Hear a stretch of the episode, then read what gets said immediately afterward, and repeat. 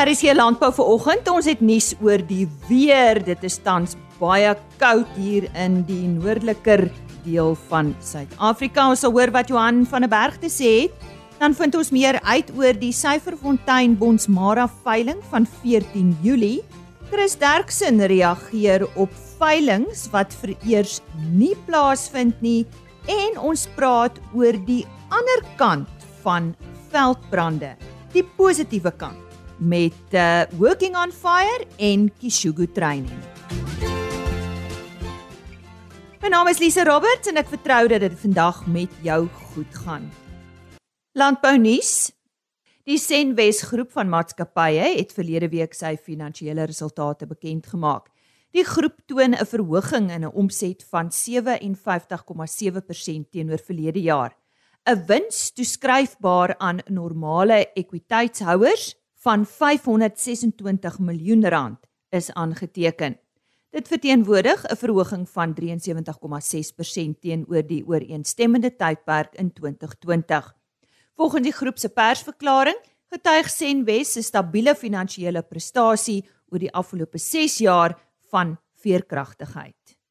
En goeie nuus vir jagters vanaf Gauteng oor reispermitte.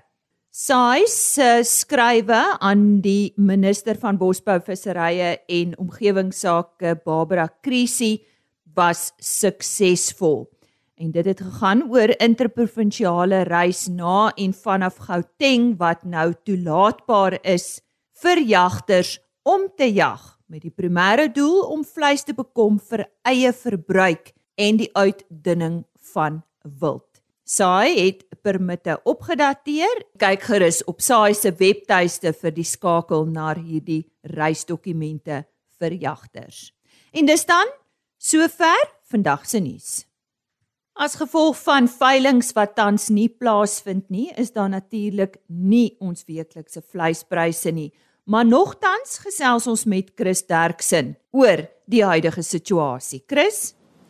Goeiemôre medeboere. Ek gee graag vir julle die vee verslag, maar dis eintlik net slegte nuus. Soos ons nou die dag gesê het, het hulle die hekke toegeslaan op alle vee veilinge en die tragedie strek natuurlik weier want wat van al die stoetvee veilinge wat met groot moeite oor lang termyn gereël is en ewe skielik kan hulle nie plaasvind nie. En om 'n lang ingewikkelde ketting soos die speenkalfbedryf sommer so oornag te stop is regtig besonder uitdagend veral vir mense wat 'n paar beeste wil verkoop vir kontantvloei en alles is net daarmee heen. Maar by dit alles moet ons onthou, die grootste uitdaging vir ons nog steeds oor langtermyn is die back and claw seer uitbraak in Natal. En as dit nie beheer word nie, sal dit 'n totale chaos in die hele veebedryf veroorsaak. En ons moet onthou na speurbaarheid wat nou lyk na groot moeite is waarskynlik die beste oplossing om die back and claw seer te beheer en ander siektes, sowel as om diefstal te beperk En laastens kan ons 'n baie groot deel van ons uitvoermark oopmaak wat ons nie beskikbaar het op die oomblik nie. So, vasbyt, ek het nie vreeslik baie troos nie, maar ons sal wel as dinge beter gaan dadelik vir u pryse gee. Baie dankie. Die stem daar van Chris Derksen. Die redakteur van die Stokfarm tydskrif, Isak Hofmeyer, vertel wat tans daarin te lees is. Goeiemôre. Het jy ook die storie geglo dat hoe groter die skof op 'n bees is, hoe taaier is die vleis? Wel in 'n studie wat deur die Brahman Teelers Genootskap geïnisieer is, word hierdie mite uitgewys as presies dit, 'n mite. In twee afsonderlike studies oor die vleissagtheid van Brahmane is bepaal dat die Brahman baie goeie sagte vleis het en dat daar geen korrelasie tussen skofgrootte en vleissagtheid bestaan nie.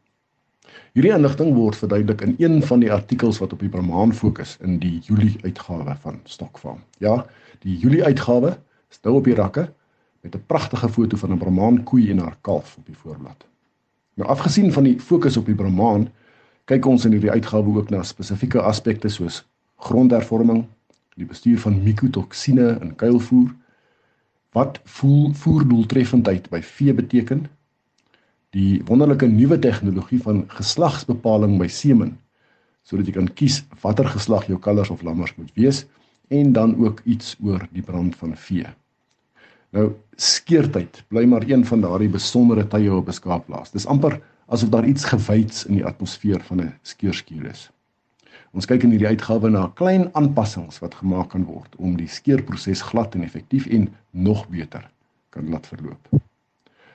'n Artikel oor die skedulering van paartyd om seker te maak dat jy in 'n tyd kalf sodat beide jou koei en jou kalf toegang tot optimale voedingsomstandighede het, het my aandag getrek. Nou dis natuurlik nie baie maklik nie, baie makliker gesê as gedoen gegee die wisselvalligheid van die klimaat. Maar lees gerus wat dokter Vlok Ferreira van Molatek hieroor te sê het. Ons begin ook in hierdie uitgawe met 'n reeks oor veldbestuur en beweiding deur professor Chris Danhauser. In hierdie eerste artikel kyk hy na die belangrike indikator grasspesies op die hoëveld. Gras is en bly maar een van die heel belangrikste plantspesies in die voortbestaan van die mensdom. Weet jy wat die verskil is tussen voer omskakelingsvermoë en netto voerinname? lees hieroor in 'n artikel deur Isaan de Plooi van die Livestock Registering Federation of die LFR. Dit is inligting wat elke ernstige teeler van vee behoort te weet en dit het ook die potensiaal om 'n wesenlike ekonomiese verskil in 'n boerdery te maak. En so van ekonomiese verskille gepraat, daar's ook inligting oor ultraklank skandering van lewende diere om die karkaseienskappe in jou kudde te bepaal. Die voordeel hiervan lê nie net op die vlak van genetiese verbetering nie, maar gee ook 'n baie goeie aanduiding van die gradering wat 'n spesifieke dier aan die hak sal behaal. Hierdie is maar 'n paar van die moedlees artikels in die Julie uitgawe van Stokfarm. Hy is nou op die rakke, moet hom nie mis nie. Isak Hofmeyer en hy is die redakteur van die Stokfarm tydskrif. Ons gesels vandag op RSG Landbou weer oor brande. Dis natuurlik 'n baie aktuële saak hierdie tyd van die jaar, veral in ons somerreënvalgebiede en natuurlik so aan die einde van die jaar dan raak dit weer 'n kritiese saak van bespreking daar in die Wes-Kaap. Nou ons het so 'n uh, 2 weke of wat gelede met uh, Pieter van der Merwe, hy is nasionale operasionele bestuurder by Working on Fire gesels en ook met Naranda Leoner, sy's van Kishugu Training. En uh, vandag praat ek weer met beide van hulle en ons ons ons begin met jou Piet. 'n Bietjie meer positief. Die afgelope paar jaar was daar regtig groot onbeheerde brande wêreldwyd. Ons dink maar daar in in in Amerika ook. En en dit het baie skade aangerig en en 'n groot negatiewe impak gehad. Maar kan die gebruik van vuur of brande ook 'n positiewe rol vervul? Môre Pieter. Môre Lisa môre luisteraars. Ja Lisa, die afgelope paar jaar het ons regtig katastrofiese brande wêreldwyd gesien. Jy weet ons dink net maar internasionaal aan die brande wat in Australië begin verlede jaar was. Ons het ook die brande in Kalifornië, alselfs groot brande in Griekeland. En as ons plaaslik kyk, dan het ons die brande gehad in 2017 in Nysna waar daar geweldige skade aangerig is en ook uh, opvolg in 2018. Ons vind ook groot veldbrande in die Vrystaat veral gedurende die wintermaande waar daar 30 tot 40000 hektaar weiding uh, weet kan kan brand. En, en uit die aard van die saak het hierdie groot brande 'n baie negatiewe ehm um, konnektasie aan brande geskep. En baie van hierdie brande wat plaasgevind het was as gevolg van uiterste weeromstandighede tydens hierdie brande en Dit het 'n baie groot rol gespeel in die omvang van die brande. Weet, dis droë weeromstandighede met hoë temperature, sterk winde, lae lugvog. En die impak van aardverwarming moet ons dus definitief laat herbesin hoe ons die omgewing bestuur. 'n Verdere bydrae tot die groot brande was ook as gevolg van die opbou van hoë massiewe ladings van brandstof wat wat opgebou het om het, om die omgewing nie goed genoeg bestuur word nie. En dit het ook bygedra tot hierdie groot brande wêreldwyd moet daar ook gekyk word dat die klem moet vers, verskuif vanaf die huidige fokus van net om brandbestryding toe te pas en ons moet meer voorkomend begin optree. Alle brande is nie skadelik vir die natuur en ek ekosisteem nie en vuur het 'n rol in die natuur vir duisende jare gespeel wat nie net goed of sleg is nie. Vuur kan 'n baie belangrike speel rol speel maar dit hang af hoe wys die mens dit gebruik. Die gebruik van vooraf beplande beheerde brande kan brandstofladings afbring wat die negatiewe impak van groot onbeheerde brande kan beperk en selfs in Australië en Kalifornië het omgewingsbestuurders nou weer teruggeval na ou praktyke wat deur die inheemse bevolkings in daardie lande toegepas word. As ons byvoorbeeld net plaaslik kyk in Afrika, ehm um, het brande en die gebruik van vuur 'n baie groot rol gespeel in weidingsbestuur in Afrika. Die die migrerende vuur veeboere in Afrika het deur die eeue vuur gebruik om grasveld te brand wat vir vee beter was om te bewy wanneer dit groen uitloop. Die Maasai brand byvoorbeeld tradisioneel grasveld elke 2 jaar om meer voedsame weiding vir hul vee te verskaf, maar ook om bosluise beter te beheer en sodoende hul kuddes teen bosluis oordraagbare siektes te beskerm. Deur die gebruik van brand word die habitat wat geskik is vir bosluise beïnvloed. Die mikroklimaat in korter gras is minder geskik vir bosluise as in lang gras. Bosluise verkies lang ou gras omdat die temperature verminder word deur die skadu van die lang gras en die relatiewe humiditeit word ook verhoog in die beskermde omgewing. Dis kan vuur 'n baie belangrike rol speel om bosluise beter te beheer. Die beheerde brande wat wat toegepas kan word, kan ook groot vure inperk deurdat boere wissel blokbrande toepas op hul grond, maar ook strategiese brandbane op hulle grond of ook ehm um, soos ons al voorheen uitgelig het op hul grense waar hulle aan aan bure grens om brandbane toe te pas. Dit kan ook bydra lewer dat groot brande beperk kan word.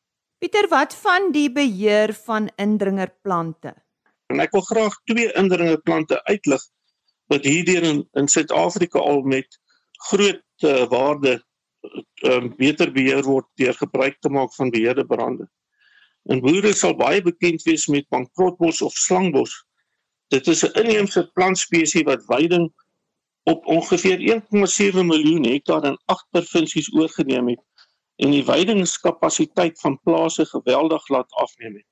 Want krootbos is gewoonlik onbewybaar.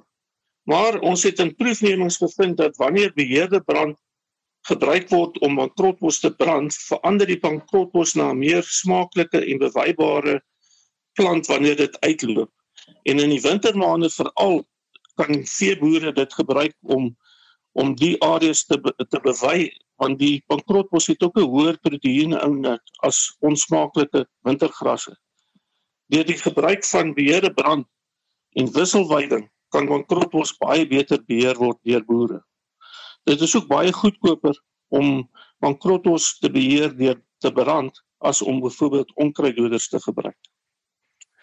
'n Tweede indringende spesies wat regtig 'n groot probleem is veral in KwaZulu-Natal en die laer liggende gebiede van Mpumalanga waar daar nie in die rypvrye areas is parafienbos of triffidweed 'n indringende plant wat van Suid-Amerika af in Suid-Afrika versprei.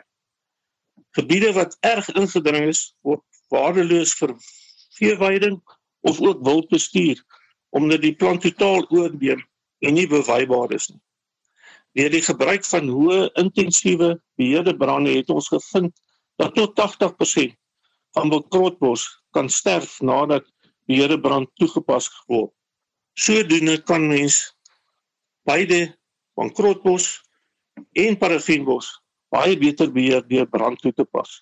Dit is net 'n paar voorbeelde wat ek wil uitlig hoe brand en die gebruik van vuur baie meer voordelig aanvang het en nie net 'n negatiewe konnotasie het. Baie dankie vir daardie waardevolle inligting en dis nou natuurlik die positiewe sy van 'n brande. Dit was die nasionale operasionele bestuurder by Working on Fire, Pieter van der Merwe. Ek het ook met Naranda Leoner van Kishugu Training gesels oor opleiding en ons gesels net hierna met haar. Ons vind nou meer uit oor die Syferfontein Bonsmara veiling wat reeds volgende week plaasvind en ek gesels met Nico Pieterse. Nico, ja, ons lewe in uitdagende tye, jong, so jy gaan julle voort met julle veiling op die 14de Julie. Dag Celine. Ja, uh, baie dankie vir die geleentheid, jong. Um ons het gevoel ons moet omgaan met die veiling, Lise. Daar's soveel veilings die tyd van die jaar en die tafel is gedek vir die veiling. Jy weet ons dis 'n aanloop van die hele jaar voorbereidings en beplannings en so om net 'n veiling te skuif is is is moeilik en tegnies. So ons um, Ons het besluit ons gaan aan. Ons hoop nou maar dat ons Sondag 'n goeie boodskap kry van die president mm. en goeie nuus kry dat ons onder streng toesig kan aangaan met ons veiling. Ons het wel besluit om 'n agterdeur oop te hou en ehm um, ons skeduleer in samewerking met SwiftV wat vir ons uitstekende diens gee, het ons besluit om soos ons in Engels sê 'n timed auction te doen wat maandagooggend die ehm um, 12de Julie om 9uur begin daar die wildsouens is nou meer vertroud met dit, maar ons gaan 'n timed auction doen wat dan gaan hardloop uh, tot woensdagoggend 11:30. Dan as alles mooi uitplan en verloop soos ons dit wil hê, gaan ons dan nou 11:30 oorskakel na 'n online auction toe vir aanlyn veiling. En ons afslaer Michael Lassie gaan dan vir ons die veiling hanteer. Dit gaan steeds 'n lewendige veiling wees die botte gaan oorgedra word van die die timed auction na die lewendige en online veiling. So dit is dieselfde platform. Ehm um, SwiftV het vir ons 'n konsep ontwerp wat ons nie twee nodig het om twee plat platforms te gebruik nie. Ons maar steeds wil ons die mense verwelkom op die plaas. Ons doen baie moeite om om by die COVID regulasies te bly en ons gaan nie fisies paviljoene hê nie. Ons gaan die hele die hele area oopmaak. Um, met tafels wat ver uit mekaar versprei is met uh, spotters wat dwars oor die oor die vloer gaan beweeg en amper amper soos die wildsouens tradisioneel gedoen het. So ons gaan nie mense bymekaar uh mm. bymekaar versamel nie. Alles gaan oop wees en en ons gaan mooi voorsorg tref dan nou vir vir die COVID regulasies. Nico, waar is Syferfontein Bonsmaras? Syferfontein uh Bonsmaras is geleë tussen Standerton en Leandra op die R50 um in Mpumalanga. Um, die veiling word word op die plaas gehou. Ons het 'n uh, groot stoor wat ons elke jaar skoonmaak en sommer 'n geleentheid om elke jaar die hele plaas bietjie netjies te kry. So die die veiling is is fisies op die plaas en dit is tussen Standard en Leandra. En wat bied julle aan vanjaar Nico? Lisa ons het um, op aanbod vanjaar het ons 75 geregistreerde uh SP bulle ehm um, Syferfontein nou veiling in samewerking met Bloukraan Bonsmara. So ek het 'n twee kit tweede Bonsmara kudde wat ek bedryf saam met Dr. Manser van Standerton. En ons teelbeleid is dieselfde en ons genetika is dieselfde. So ons het eintlik maar gedink om dinge te vereenvoudig en in 'n gesamentlike veiling te hou. So Syferfontein het so plus minus wat is dit 57 bulle op die veiling en Bloukraan Bonsmara sê dan omtrent 18 bulle op die veiling. So ons ons behoort te realiseer so in die omgewing van 75 ons marabille. Dan het ons ook 'n geleentheid vir ouens om goeie vroulike diere te bekom. Ons het so 60 geregistreerde uh vroulike diere op die veiling in alle produksiestadia.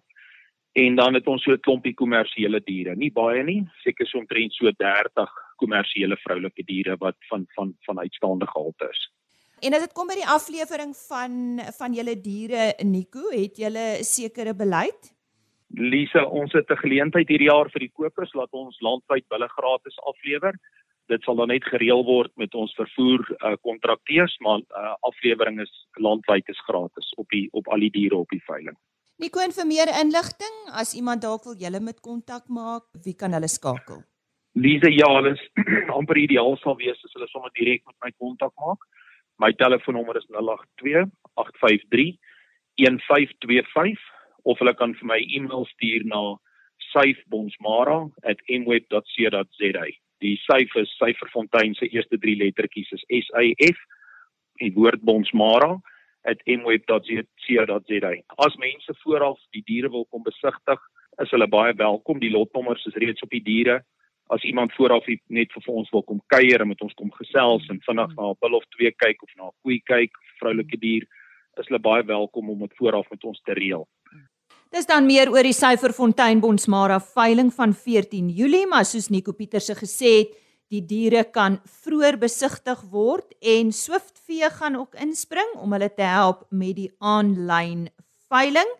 En net weer Nico Pieterse se kontaknommer is 082 0891531525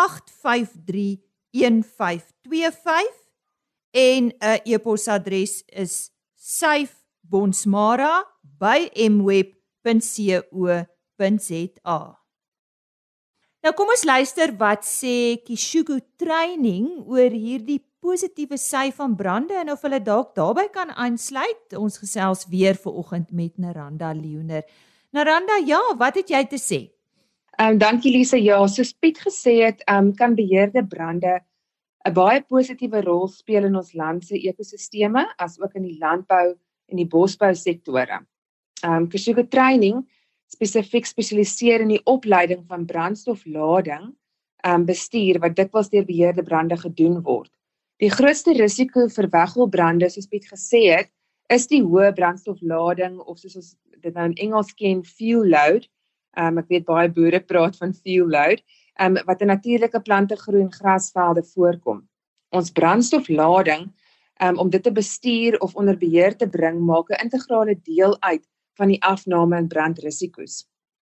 Nou kusiko training kan jou personeel op jou plaas of op die grond kom oplei of ons kan direk gekontak word om namens jou te kom ondersoek instel oor die aard van die risiko wat afhang van die verskillende brandstofsoorte of die ouderdom van die plante groei.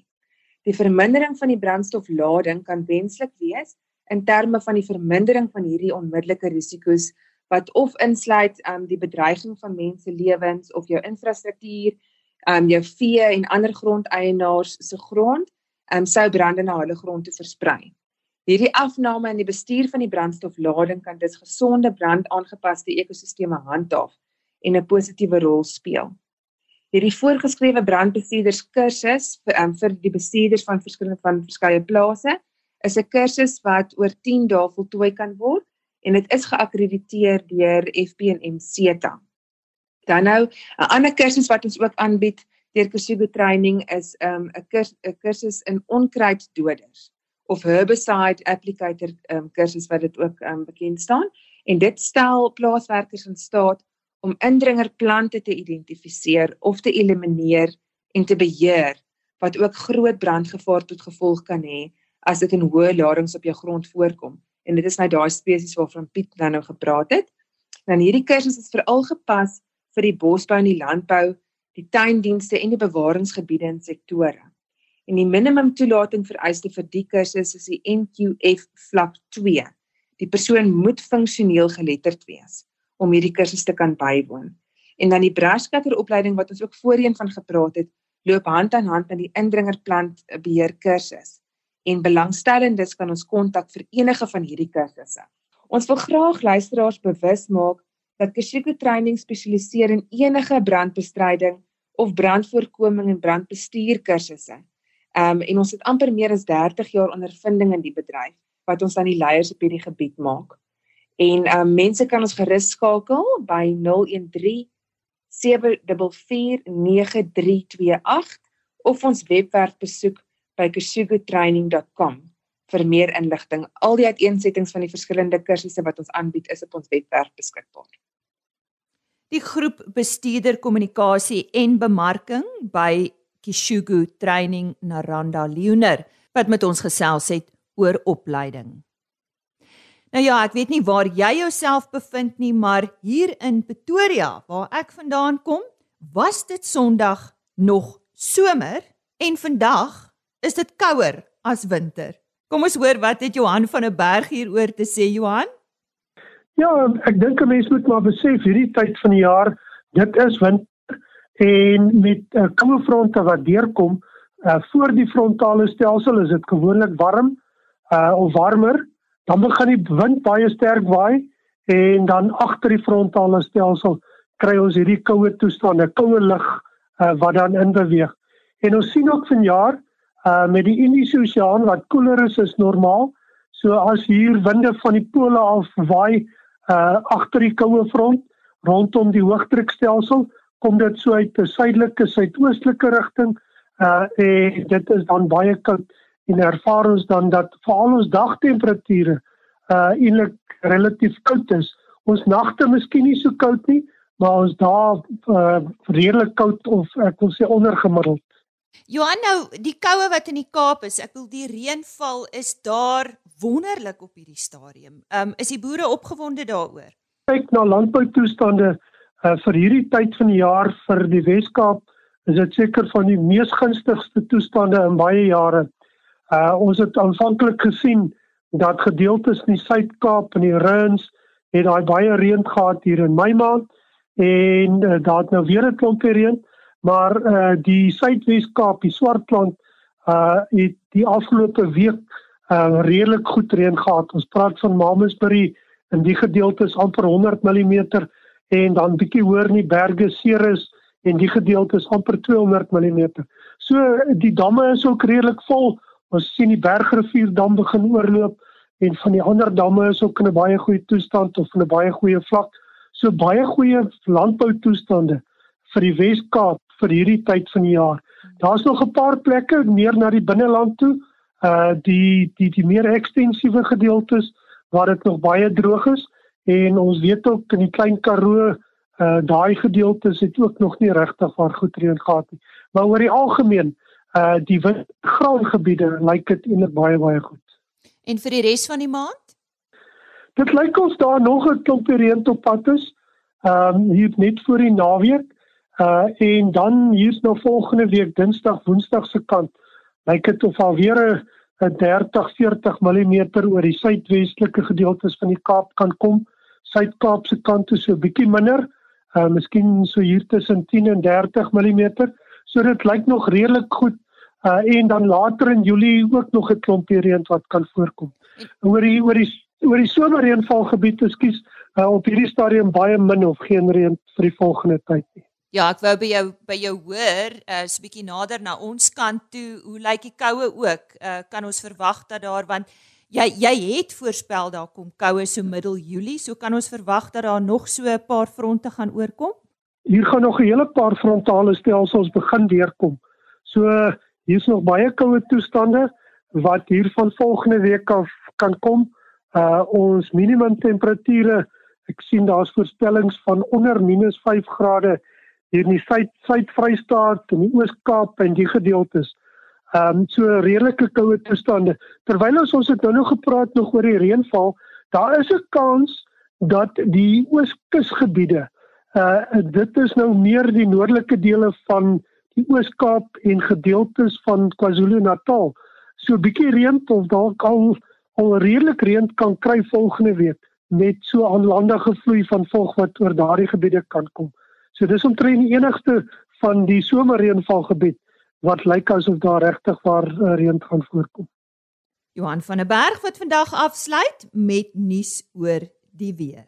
Voor ek groet net 'n webtuiste indien jy graag uh, weer na een van die onderhoude wil gaan luister. Die maklikste is www.agriorbit.com. Daar word die onderhoude afsonderlik gelaai, maar die program is ook op die RSG webtuiste volledig as potgooi beskikbaar. Dit is natuurlik rsg.co.za en as jy graag met ons wil gesels, RSG landbou by plaasmedia.co.za.